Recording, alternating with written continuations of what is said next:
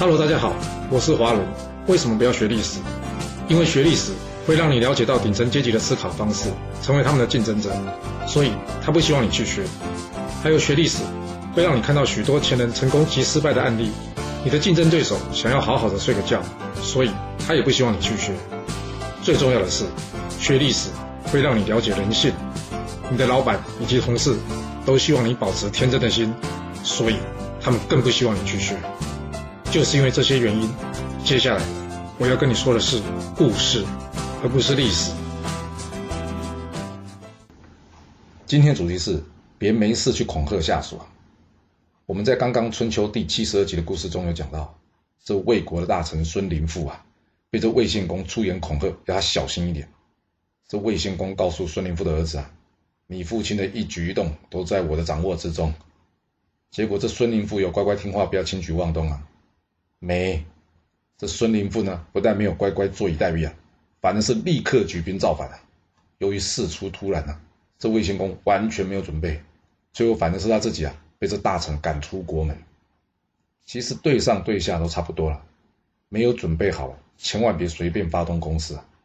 我们之前有说过啊，要是身为员工的你啊，有一天想要离职，最好是等确定之后啊，再告诉老板。而讲了之后呢，也千万不要回头。要不然呢，大多数的老板是没办法接受一位会背叛他的下属了。他接下来很可能的行动呢，就是在找到代替你的人之后呢，把你整到让你没有办法在公司继续待下去。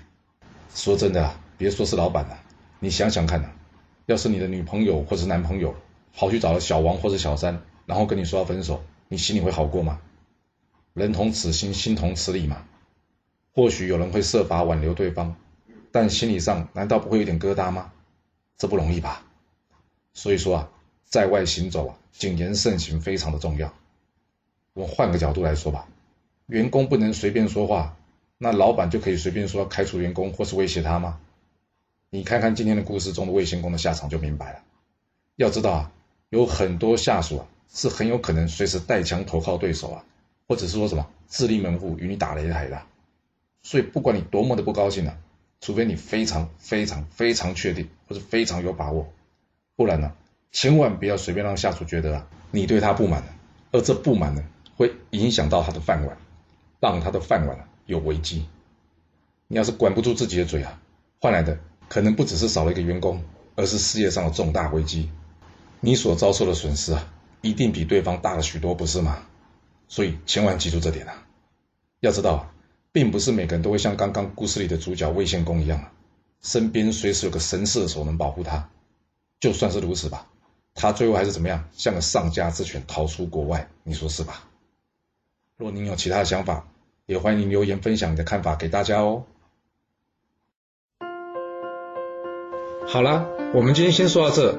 如果你就是不听我的劝，想知道完整版的故事内容，你可以从说明栏找到我爱故事频道的连结。不过记住哦，你是来听故事的，而不是来学历史的。要是您喜欢这个频道，麻烦您动动您的手指，追踪、留言，或是给我五星评价的支持以及分享。谢谢您来收听，我们下次再见。